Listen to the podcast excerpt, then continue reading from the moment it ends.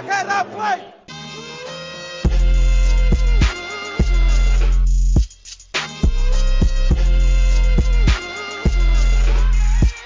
Jojo, živijo, lepo zdrav vsem, jaz sem Matej, upam, da ste dobro, kjerkoli že ste in karkoli pač počnete.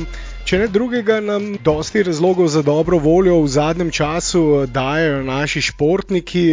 Bližajoče olimpijske igre z zelo barvito in tudi zelo konkurenčno selekcijo, ampak v tokratnem podkastu o Turu. Več o fenomenalnem Pogačarju, več o izjemnem Mohoriču in seveda fajterju brez primere, našemu nesrečnemu Rogliču, o vsem, kar se je do sedaj pripetilo in tudi napovedi za zaključek, je Tur morda že odločen in prednost Pogačarja neulovljiva. O vsem tem več danes z Davidom Tofom Turšičem, odličnim poznavalcem kolesarskega športa, dolgoletnim spremljevalcem Tura, ki to prestižno tekmovanje, eno od najbolj prestižnih na svetu, spremlja že zelo dolgo. Zato sva imela tako zelo vseobsegajočo debato in David je povedal ogromno zanimivih stvari. Na koncu sva spregovorila še o možnostih naših, da morda na olimpijskih igrah vzamejo dve kolajni, se nam morda obeta zlato in srebro, pa morda še bron, da ne bodo apetiti preveliki. Je David povedal, kakšne so realne možnosti za tak izjemen podvig. Tudi več o kolesarstvu kot športu in nekaterih negativnih vidikih tega športa. Črna doba, ki je zaznamovala kolesarstvo, še vedno meče senco na izjemne uspehe tudi naših kolesarjev. Zato sva tudi o tem nekaj rekla, tako da mislim, da bo debata res zanimiva, upam, da vredna vašega časa in poslušanja. In če bo temu tako, vas seveda, tako kot vedno, prosim, če nam lahko pomagate s kakšnim všečkom in če se še niste naročili, se naročite na naš YouTube kanal ali pa to storite na platformi, kjer nas poslušate, Spotify, Apple, SoundCloud. Všečki so tudi tam zaželjeni ali na Apple ocene in seveda komentarji. Tega smo pa najbolj veseli, vaših komentarjev, razmišljanj, tudi takrat, ko se morda ne strinjate z nami. To je to, zdaj pa da ne bom zgubljal časa, gremo veselo na delo.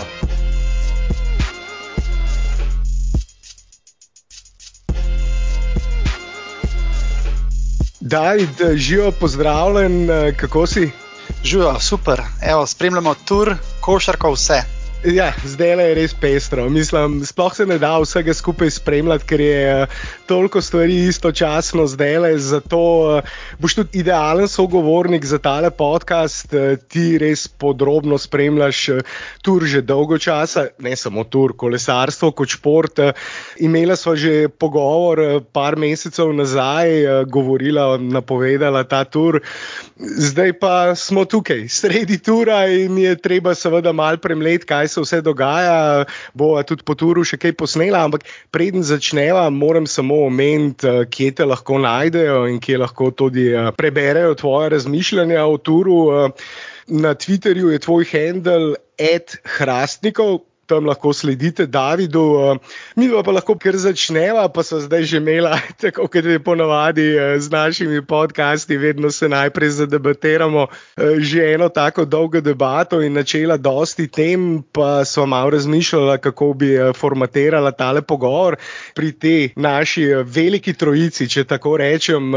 Mohorič, Pogačar in Roglič. Sva rekla, da bo začela z Matejem, potem o Pogačarju in na koncu še o nesrečnem Primožu. Pa začniva z Mohoričem. Izjemen uspeh, par dni nazaj. Ja, pač od njega smo to vedno pričakovali, da bo on nek kolesar, ki bo zmagoval enodnevne dirke, najtežje etape. In na Vuelti, na Džiru je najdaljše etape že dobil, in zdaj mu je končno uspel tudi na največjem turu mogoče nekaj let kasneje, kot smo malo upali ali pa optimistično pričakovali. Čeprav jaz pri sebi sem mislil, da njegov napredek je super in redki so, bom rekel, pogačari, ki pred 22 zmagajo vse, kar se da. Tako da ta etapa, ki je bila najdaljša tudi na Turu letos, jo je on dobil, tako kot zmagujejo največji na enodnevnih dirkah.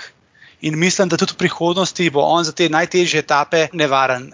Sicer zdaj, ko so izgubili v njihovi ekipi voditelja za generalno razvrstitev, imajo bolj proste roke in tudi na tem turu bo on še dobil priložnost na kakšni hriboviti, težki etapi. To sem te glih hotel vprašati. Eh, njegova ekipa si povedal, cilja na te etapne zmage in eh, katere so tiste ključne dirke, eh, kjer bo Matej morda lahko zopet ciljal na zmago. Zdaj, prideti v beg na turu je zelo težko. In včasih etapa, ki želiš iti, ti ne gre, oziroma nimaš možnosti iti v beg. Na etapi, ki pa pričakujejo druge v begu, se pa sam znajdeš v begu. Tako da težko je vnaprej napovedati, kje bi bilo za njega v redu. Mogoče 15. etapa, če bojo velike razlike in da se ustvari beg. Je pa tako, da za Mateja preveč hribovita etapa spet ne sme biti. Ne? On rab specifičen beg, kjer je boljši hribolazec, ne sme pa biti zraven najboljših hribolazcev, ker to pa on ni. On je pretežek, prehiter kolesar in z najboljšimi v klanc ne more iti. Jaz mislim, da realno bi bilo dober rezultat pričakovati še v eni etapi. Uh, malo zaradi same specifike terena, etap.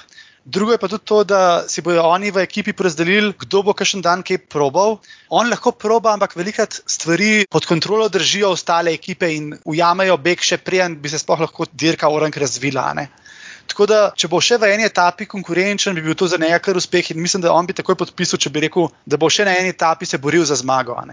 Ja, vsekakor pa že do sedaj izjemen ne, uspeh. Imeti zmago na treh največjih dirkah, imeti etapno zmago, to je kratek seznam to res ni veliko kolesarjev. Nam reko, da jih ni, ampak vsako leto je to en do dva kolesarja, ki zmagata na vseh treh dirkah.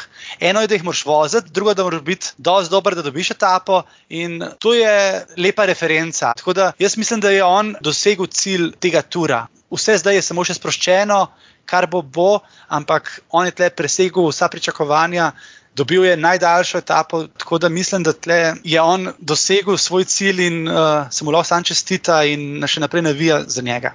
Ja, mogoče se celo ne zavedamo dovolj, kaj pomeni tak uspeh, zaradi tega, ker imamo izjemna primožja in tadeja. Tako pač pride tako močna generacija, da se nam zdijo metapne zmage običajne. Nekaj normalnega že. Nekaj normalnega, o, zdaj pa Matej dobil etapno zmago, super. Če pa pomislim, deset let nazaj smo bili veseli, če je slovenski kolesar sploh dobil dovoljenje, da proba dobiti etapo. Pred leti so bili naši kolesari vedno pomočniki, sploh niso dobili priložnosti iti na svoj rezultat. Prva, ki sta to malo presekala, sta bila Valjavc in Brajkovič. Predtem pa praktično tega skoraj ni bilo. In to, da danes ekipa stavi tudi na Mateja, da gre po etapno zmago in rečejo, da je vse podrejeno tebi, ne znamo niti najbolj cent, niti pravilno vrednotiti. Uh, je pa res, da pač s tako generacijo je treba vedno več doseči, da si nekaj posebnega, kako ne temu rečem. Ja, in Matejeve emocije po tekmi so vse povedale, kaj ja. je pomenila ta zmaga. Zato, ker to je v bistvu, poleg tega, da postane nekoč svetovni prvak v članski kategoriji, je to cilj kolesarja. Moraš vedeti, da veliko kolesarjev etapna zmaga na turu jim naredi kariero. To je pač njihov cilj, nikoli ne bojo sanjali o skupni razvrstitvi na turu. In on isto cilja na te etapne zmage, in to je neverjetni rezultat, da dobi etapo na turu. Redkim je usvojeno to, da so tako talentirani, tako sposobni, tako dobri, eh, da se lahko borijo za končno zmago na najbolj prestižnem eh, kolesarskem tekmovanju, enem najbolj prestižnih športnih dogodkov na svetu, Tour de France. To vsekakor je. In eh, tedaj Pogačar je tisti, ki se tudi letos bori zadnji dve etapi sta bili uh, fenomenalni, um, številke nenormalne.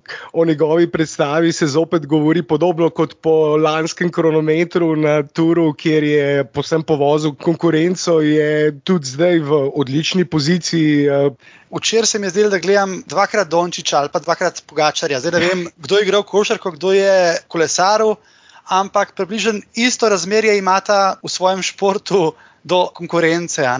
Enostavno, korak boljš, med boljš. Ko se za glavo primeš, pa rečeš, kako za vraga to, to počne. Pogačar, preizkusili so ga, kako se počuti po uni težki etapi, predvčerajšnjem so včeraj probali ga preizkusiti. In v trenutku, ko so to naredili, je on odgovoril, pogledal nazaj v smislu, kje ste pa zdaj. In celo včeraj ni šel na polno, je šel po višjo tempo in telo dovolj, ni pa se rabo v zadnjih sekundah še matrati. Tudi on trpi, ga boli vse, ampak enostavno ima prak tako višji, tako boljše je pripravljen.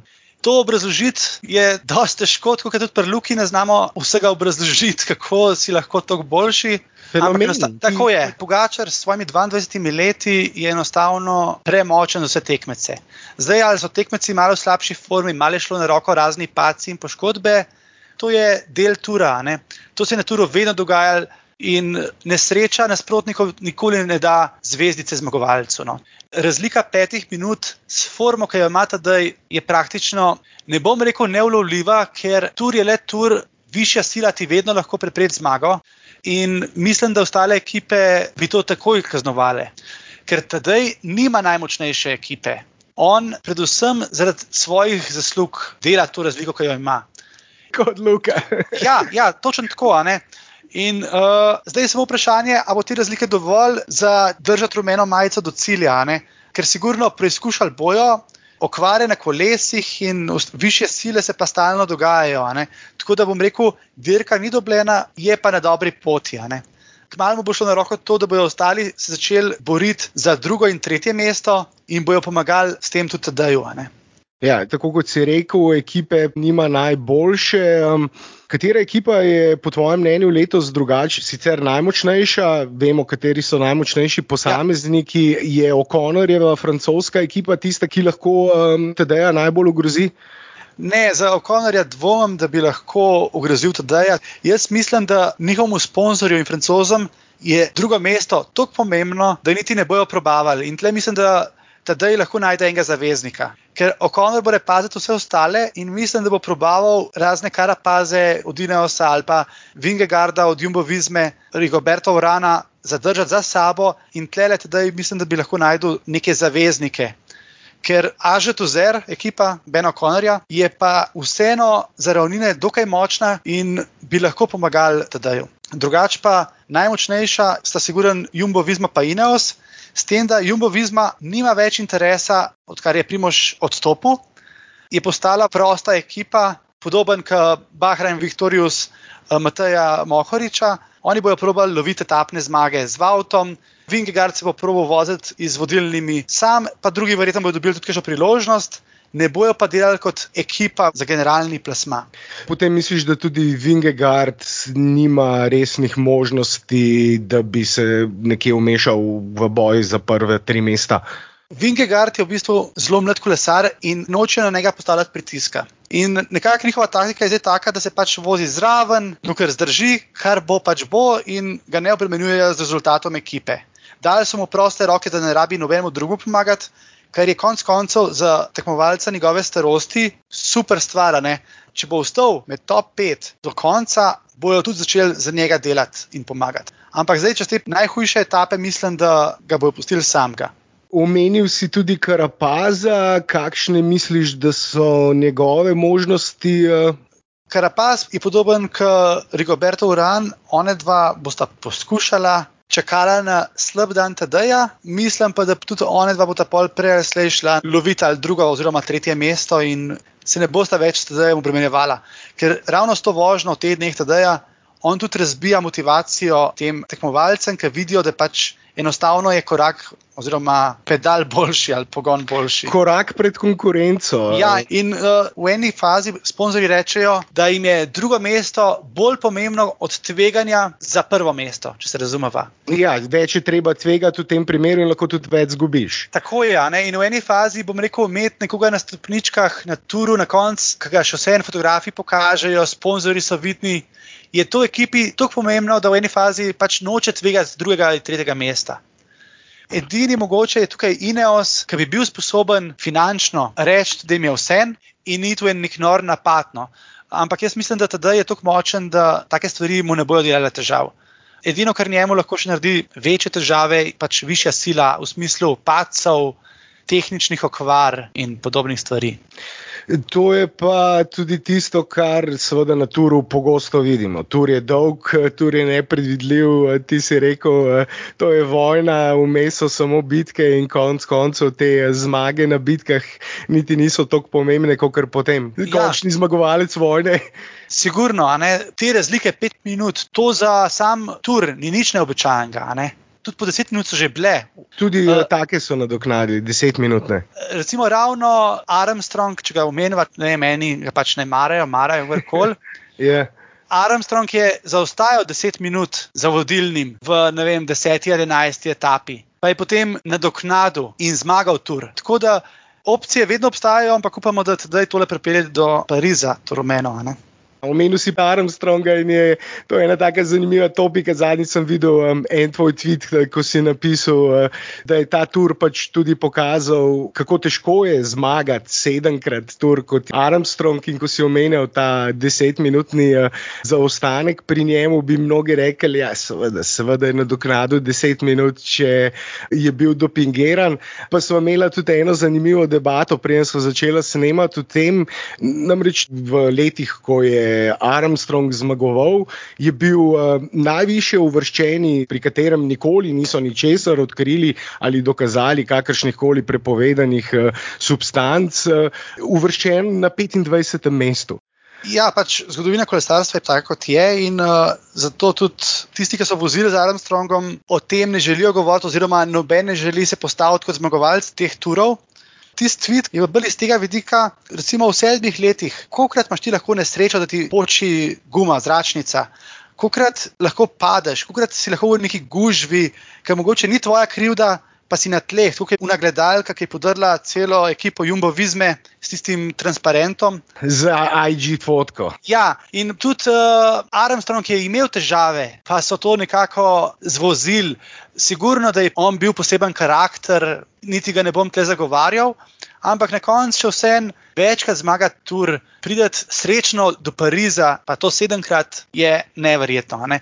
In tudi recimo to, da tedaj drugo leto že je tudi taka stvar, ki lahko piše zgodovino, odkud so največji. Če pa primerjamo tudi Frum, ki je večkrat zmagal tur, enako, koga se to lahko zgodi smo pa imeli recimo 2014 tur, ki je pa velik teh zvezdnikov padal in je na koncu zmagal Nibali.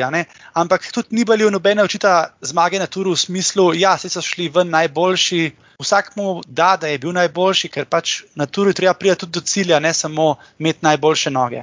Kar se pa tiče tako dopinga na splošno ali pa trenutnih rezultatov, Pa tukaj ne govoriš eh, konkretno samo o TD-ju, ampak ravno ko smo govorili pred podkastom, si mi razlagal, da so številke, sile, ki jih generirajo pri usponih, eh, brez precedensa v zgodovini kolesarstva, nasplošno pri vseh kolesarjih. Ja, tudi Vaut ali pa Vanderpool, ki sta teža kolesarja. Sposobna v sprintu iti z najboljšimi sprinterji, medtem pa odpeljati klance to smo videli v 90-ih letih, ko so bila, bom rekel, uh, najbolj črna doba. Ja. Tako, ja. Ampak uh, eh, nasplošno stvari grejo naprej v smislu uh, tehnologije, treninga, priprave, vsega in napredek pri kolesarjih je. Ne? Nikoli pa ne moramo reči, kaj bo pokazal čas na koncu. In tudi mislim, da večino se to ne obremenjuje. To je bolj tema rumenih medijev, ki želijo zgodbe, ki želijo spornost vsega, pa nezadovoljnih francozov, ki ne najdejo, bom rekel, svojega kolesarja. Medijev francoskih. Ta, tako je. Ja. Ja, ker nikoli ne slišiš profesionalnih kolesarjev, komarkoli kaj očitati. To zgodovino je nekako kolesarstvo sprejelo takšno, kot pač je. In če pogledamo en Giro, tam so nagrade Pantania, obeležja ob cesti Pantania, pa vsi vemo, oziroma je to znano dejstvo, nobene zanika. Da je Pantani imel svojo črno zgodovino in to je del njega, ne, in to je del tega športa. Del športa, jaz sem bral zgodovina Tura, je poznala, začeli so, recimo, so popili eh, nekaj vina pred dirko, so mislili, da jim bo to pomagalo, ampak potem v 50-ih, 60-ih so pa že na kokain prešli ja, in imeli ja. kokain, da jim je pomagal pri tem. Tudi tako, tanka meja je med, bom rekel, dovoljenim in nedovoljenim. Ne?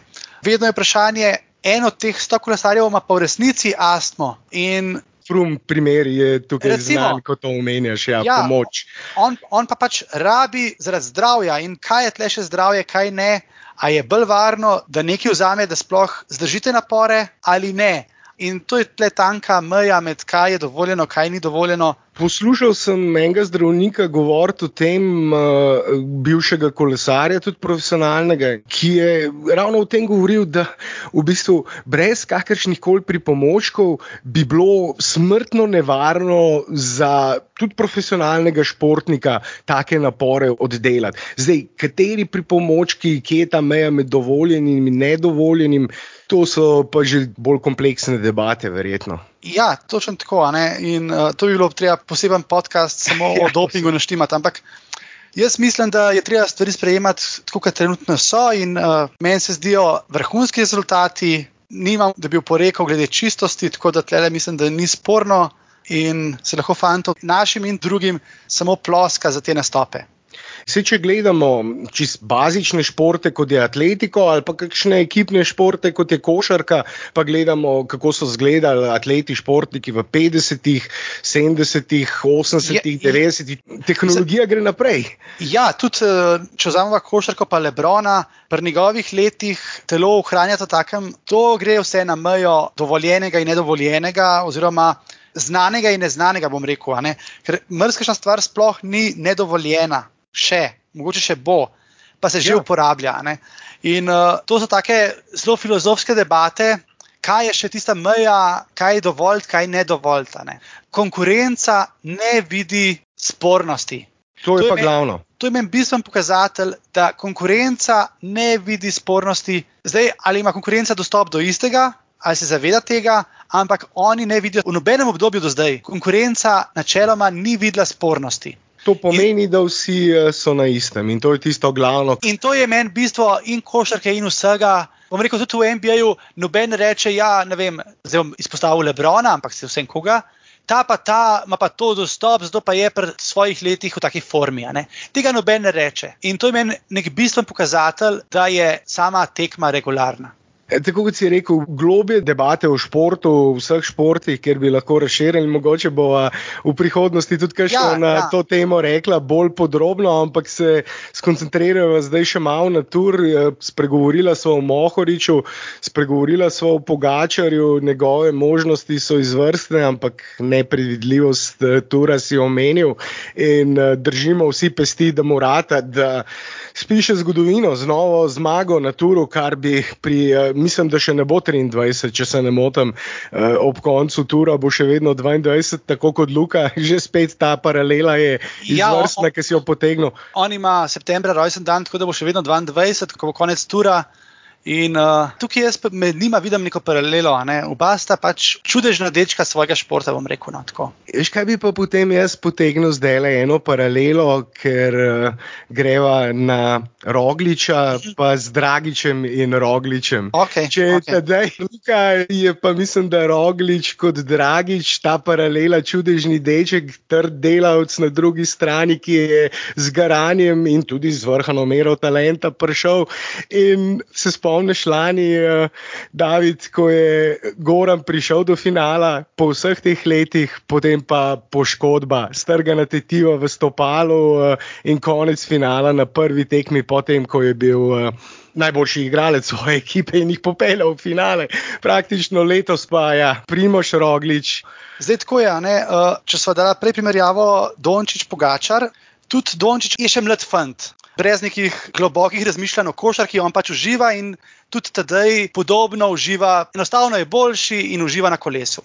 Medtem ko Roglič, jaz mislim, da ga imamo Slovenci zato radi zaradi njegove zgodbe, ki je pa taka garaška in pa tudi on ima globoko razmišljanje o športu v smislu pozitivizma. Kot Dragič, ki je enostavno verjel v medaljo na Evropskem. Ker je on prišel na Evropsko takrat, je verjel, da grejo na medaljo, ni začel verjeti v finalu, ampak je bil v štartu njegov cilj, da bo najboljši in da bo pripeljal ekipo do zmage. In enako je tudi pri Rogliču, on ima to voljo, razmišljanje v zadnji, samozavest. Se pa tako, kot Dragiču, ta poškodba pred lanskim finalom, ima tudi on tako le včasih potem nesreče. nekaj je to, recimo, tukaj s Korbreljem, zaradi nesreče, malo tudi slabše tehnike, vožnje v glavnini, se mu zgodi padec, zaradi katerega odstopi. Slovenci ga imamo pa seveda radi, ker je fenomenalen pogled na šport, ima vzor praktično lahko vsem športnikom in tle se mi zdi, da je mal pred pogačarjem v smislu navijaštva Slovenije. Ker Rogličev karakter je en poseben karakter, ki da tako rekel, zmagovalno miselnost v smislu garanja, ne? da se ni vse samo zgodil. Zdaj, če to naprej navežem na to, da sem vesel, da ga je ekipa spustila domov, da se ne matra na turu in da se prova pozdraviti do olimpijskih iger. Ker to se mi zdi velika stvar, ki lahko bi ga obdržali na turu kot pomočnika, ali pa ga probali pozdraviti, da bo vem, zmagal etapo čez en teden. Kar pa se mi zdi za njega škoda, ker je vse en kolesar previsokega kova, da bi on zdaj v ozadju životaril pol tura. Ne. Pa videli smo njegove posnetke po pacu, ko mumija povezan, tudi ja. padec je bil grd. Mislim, zagotovo bi čutil posledice tega, tudi če bi dovolj ukreval že v enem tednu, bi pa po turu toliko bolj to še čutil, verjeten. Ja, sigurno. Tudi vprašanje, če bi se sestavil tako, da bi bil konkurenčen za etapno zmago, in v tem primeru je bilo bolj, da so ga spustili domov. Je pa tako, da te paci, ki so se mu zgodili, je problem, ker on nasplošno slabo pelje v glavnini v smislu pozicioniranja in za njega je težko skrbeti, da ima stalno zaščito. Ker če pogledamo primerjavo recimo pa s Pogačarjem, na njega velikrat ne pazijo, ampak on enostavno se boljš pozicionira v glavnini sam, brez pomoči. Primož sam to ve in se je razlagal, ko je začel voziti, niti pit ni upal v glavnini. Tukaj se je bal voziti v glavnini, ker je enostavno prepozno prišel v to, bom rekel, kolesarsko strinjo, da bi dobil to osnovo vožnje. Pa da se razumeva, on še vedno vrhunsko pelje v glavnini. Ampak je pa malenkost bolj dovzeten za napake oziroma take stvari. Manj vajen tega rimplanja, mogoče. Ja, tudi uh, predvidevanja, kje ne smeš biti v trenutku, ko bo nevarno. Mogoče okoli Italijanov, ki so živčni. Veliko ljudi si predstavlja, da ja, bi lahko peljal na desni strani ceste, zakaj mu niso povedali. Ne?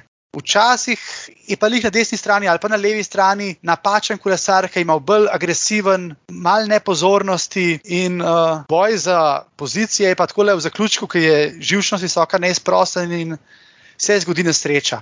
Sigurno nesreča ni bila namerna v smislu, da je moga vam porint. To lahko 100% trdim, da to ni bilo. Grdo perivanje pa verjetno je tudi kaj bilo, ampak to je pač tudi del kolesarstva. Ne. Takoj po etapi je eh, Primož eh, rekel, da ga je Kolbrejl izbil na tla, dobesedno z bodjem. Ja, kar ga je res, ampak je spet glavnina je gibanje. In uh, tudi Kolbrejl, mogoče je njega nekdo mal butnu, kot domine, če si predstavljaš. In da je Korbreri zapeljal v Primoža, ni nujno osnovni razlog v Korbreriju. In jaz verjamem, tudi pa se je pogovorila, sta te stvari uredila, normalno, posledice pa pač ostajajo in to je neizbežno. Ne? Mi je pa všeč ravno to pri Primožu, da on vedno stvari spreme kot so, gleda naprej. In slovenski gledalci to najbolj cenijo. To borbo čez vse prepreke, ker vse veš, kako v življenju včasih prideš do stvari, ki so ti težke, ampak uh, vedno obstaja pot naprej, novi cilji in tako naprej. To se mi zdi res fenomenalen vzor in mladim športnikom in tako naprej cela njegova pot in tudi zdaj, kako odreagira na vse te situacije. Ko je šel s Tura zdaj, je povedal, da se vrne in jaz sem prepričan, da drugo leto gre Primož zagotovo na Tur. To je zdaj, bom rekel, njegova individualna borba. Sveti gral. Ja, in uh, verjamem, da mu bojo mogoče svetovali, pa mogoče eno leto pet na Giro, ampak jaz mislim, da tudi ni več tako mlad, da si pač ne more vsako leto prevoščati, menjati ciljev. In jaz mislim, da bo on prav naslednjo leto še eno leto iti tu odpeljati tudi vsi slovenski navijači to upamo in uh, upamo tudi, da mu uspe, da, da usvoji ta svoj svet igral, tako kot si govoril. Uh, res je izjemen vzor uh, to, da se pobere, da je tak fajter, ko smo omenjali Dragiča, isto mi pade ob njem uh, na pamet tisti uh, znameniti rek uh, Muhameda Alija, če se ne motim, znamenitega bokserja. It's not how many times you fall down, it's how many times you get up. Uh, ni pomembno, koliko koliko krat padeš, ampak koliko krat se pobereš. In, ja, Primoš je definicija tega. Ja, tudi Primoš o stvarih pri svojih letih že razmišlja in se jih loteva kot zrela oseba, kot narejen karakter. Ker bom rekel, Luka pa tedaj sta enostavno fanta, ki jim daš žogo oziroma kolo in uživata in sta odlična. Ampak se niti ne sprašujete preveč o zadju. Medtem ko Primož pa je tak, podoben kot eh, Goran, ki pa te stvari ima že bolj razdeljene in to vleče k tem športnikom, gledalce, navijače. In uh, zdaj bomo vsi držali pesti, uh, ja, ne samo za Luko in naše fante, uh, košarkarje v Tokiu, ampak tudi uh, za Primoža in naše ostale kolesarje. Uh, Misliš, da se bo Primož uh, dobro sestavil do olimpijskih iger? Tudi uh, tedaj bo tam naša ekipa je znana.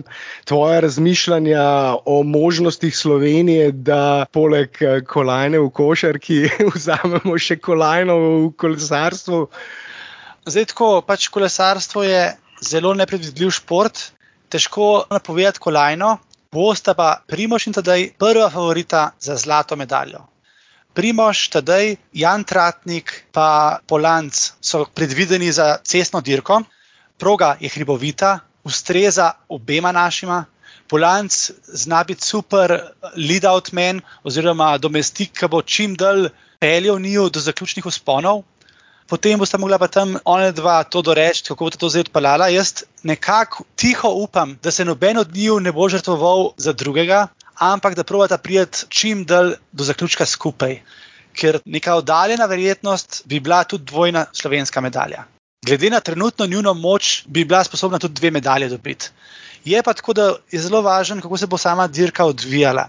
Bo kar nekaj ekip močnih, z močnimi hribolasci. Vprašanje, kakšno formo bo tedaj imel, ampak predvidevam, da mu bo forma ostala tudi lansko leto po Turu sta bila na dirki Lež, Baston Lež, oba vrhunska.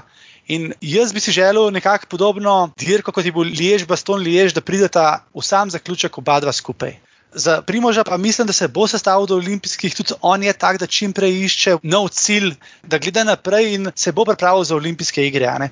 Tudi glede na starost, znajo biti to zadnje Primoževe olimpijske igre, pa tudi vsake olimpijske igre ni trasa primerna za vse vrste tekmovalcev, in ta letošnja je res narejena za hribolasce. Tako da tukaj vidim eno veliko priložnost za medaljo, ki jo lahko vsak od njih dobi. No. Se pravi, eh, zlato za Primoža, srebro za Tadeja, pa potem bron, eh, polanc. Vsi bi takoj podpisali. to je sigurno. In tudi uh, se mi zdi, da ni nujno, da je ravno Primož zlata, če se boste odločili, da je treba pa na koncu Pogačarju pomagati. Jaz sem prepričan, da v naši ekipi, če bodo videli, da je priložnost za nekoga, brezpogojno se bodo ostali podredili temu cilju. Tudi to je na svetovnem uh, lanu že bilo. Ampak iz taktičnega vidika mislim, da je dobro, da Primoš in tedaj provata oba iti na zmago. Ker imeti dva kolesarja v zaključku je velika prednost kemija v naši ekipi, eh, kolesarski ekipi, ne samo košarkarski, je zdaj ravno to tudi aktualna tema, pa zanimive paralele so tudi povlekla in mislim, da so tudi na mestu. Eh, ampak te olimpijske eh, ja, bodo res. Jaz imam občutek, da bom mogel takrat ravno kaj še dopust vzeti. Upam, da bom vse ostalo do takrat zaključil in da bom imel nekaj časa, da bom ja, lahko res ja. dovolj časa posvetil tem olimpijskim igram. Pa imam občutek, občutek, da letos ne bomo edini, glede na situacijo, da še ni tako lahko potovati. Imam občutek, da nas bo letos dost eh, dopustne med olimpijskimi. Bomo spremljali, sigurno. Ker imeti ravno na olimpijskih take igralce ali pa športnike, ravno v najboljših formi, kolesarstvo, košarka so res tisti vodilni športi, poleg mogoče atletike in še nekaterih in uh, nam bojo zavidela mrzkašna država. Slovenija bo tam imela tri uh, od, kaj pa vem, desetih, petnajstih, morda dvajsetih največjih zvezdnikov olimpijskih iger. Mislim, tri od na, peščice največjih imen uh, z Luko, Primožem in Tadejem, nedvomno tri izmed najbolj prepoznavnih svetovnih športnih imen, kar pa tudi za našo ja, dvomiljonsko državco ogromno pove. In, uh, ja, si doskrat jaz vprašam, kaj za vraga je pri nas v vodi, da je um, toliko talentiranih, ja. pa niso te tri edini. Edini, ja, sigurno. Uh, upam, da bo Olimpijski komitej malo boljš odreagiral kot je Košarkarska zveza in bo možno kupiti drese olimpijske reprezentance tako za nakolo, kot za košarko, ker vemo, da tujci nestrpno spremljajo, kdaj bo možno kupiti dres luke. In, uh, Podobno se bo zgodilo tudi z dresi, recimo TD-ja ali pa Primoža. Ne. Tega se ogromno proda in upam, da bo Olimpijski komitej ker mislim, da za olimpijske igre so oni tisti, ki imajo čez opremo, da bodo pripravili uh, dovolj zaloge. Ja, ne dvomim, da bi pri nas eh, veliko, ne samo, eh, kako bi rekel, rekreativnih kolesarjev, ampak tudi tistih, ki se radi sam tako po mestu vozimo s kolesom in po upravkih eh, gremo radi s kolesom, raje kot z avtom, bi kakšen dres kupili. Ampak je pa tukaj treba reči, David, tudi, da včasih so problemi z dobavitelji in pogodbami, ki so podpisane tudi pri košarkarski zvezi in pomankanju dresov. Uh, ja, so pogodbe podpisane že prej in uh, imajo malce težav, potem, kar slišim. Uh, tudi oni, seveda, niso zadovoljni, uh, da uh, ne morejo prodati uh, toliko drevesov, kot jih želijo in kot bi jih lahko. Ta del jaz razumem, ampak uh, včasih je treba bolj ambiciozno gledati na same pogodbe. Že, Res, uh, zaradi par procentov višjega deleža vzameš drugega premljevalca, ki je pa sposoben manj narediti ali pa manj pripraviti. Včasih je bolj vzeti opremljevalca, ki ti pusti manj procentov, ampak je pa sposoben druge stvari poštimati. Tako da ni enostavno, ampak jaz mislim, da če so športniki tako ambiciozni, da mora tudi, bom rekel, aparat zadnji temu slediti. Ne? In uh, iz tega naslova, recimo Kolesarska zveza, tako kot deluje v zadnjih treh letih, in glede promocije, in glede dela, je naredila napredek v svetlobnih letih. Oni res probajo izkoristiti priložnost teh fantov. Tako da upam, da se bo to odrazilo na celotno olimpijsko reprezentanco res je tudi to lahko tema za poseben podcast, ja. kjer bi lahko več ur govorila ravno o tem, eh, ne samo uh, same zveze, ampak gospodarstvo Slovenije kot država, da morda ne izkoristimo dovolj uh, tega, kar nam dajo vsi ti naši športniki vsak dan. Zdaj lahko vidimo na največjih družbenih omrežjih, trendajo Tadej ali Primoš ali Luka in s tem seveda tudi Slovenija in je toliko toliko več, seveda, povpraševanja, vedno radi rečemo, športniki so daleč najboljši ambasadori naše države eh, in uh, nihče ne promovira naše države tako dobro in to bi res lahko verjetno bolje izkoristili. David, uh, ura se je iztekla, tako da bomo mogli zaključiti. Vem, da se tebi modima še upravke in se ti zahvaljujem, da si, si uh, vzel čas uh, danes in upam, da bo seveda se kmalo po turu in pred olimpijskimi zopet slišala še zadnja beseda. Ne, noč tazga, uh, spremljajte tur še naprej, navijajte za pogačarje in ostale naše, pa se slišimo. Se slišimo, David, še enkrat najlepša hvala in uh, ja, lepo se mej, pa bomo vsi skupaj uživali in upamo slavili po koncu tura zmago Tadeja. Ok, lep pozdrav. Živa.